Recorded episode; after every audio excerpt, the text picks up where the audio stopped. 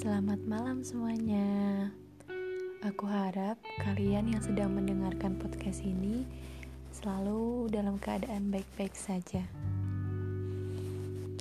Kalian pernah merasakan gak kalau cinta itu selalu datang tidak di waktu yang tepat?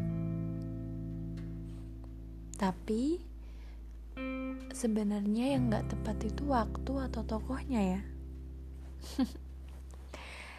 Malam ini aku bakal cerita tentang suatu hal yang aku beri judul Rasaku untukku, rasamu aku tidak tahu.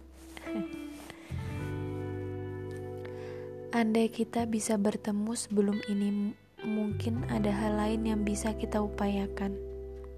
Andai kita bisa lebih dulu bersama, mungkin sedikit bahagia akan tercipta. Tapi kita tentu tahu, andai adalah kata penenang yang tidak akan terjadi.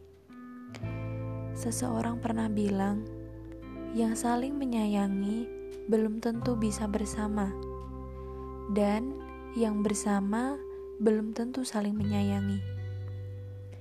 Aku tidak tahu kita ada di bagian yang mana.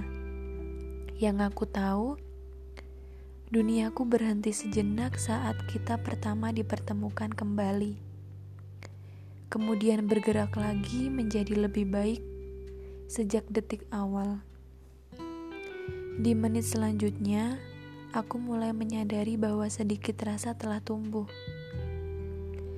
Beriringan dengan kamu yang terlihat menjauh. Aku sih gak masalah, karena rasaku itu urusanku dibalas atau tidak itu urusanmu. Yang terpenting, rasa punya tanggal kadaluarsa.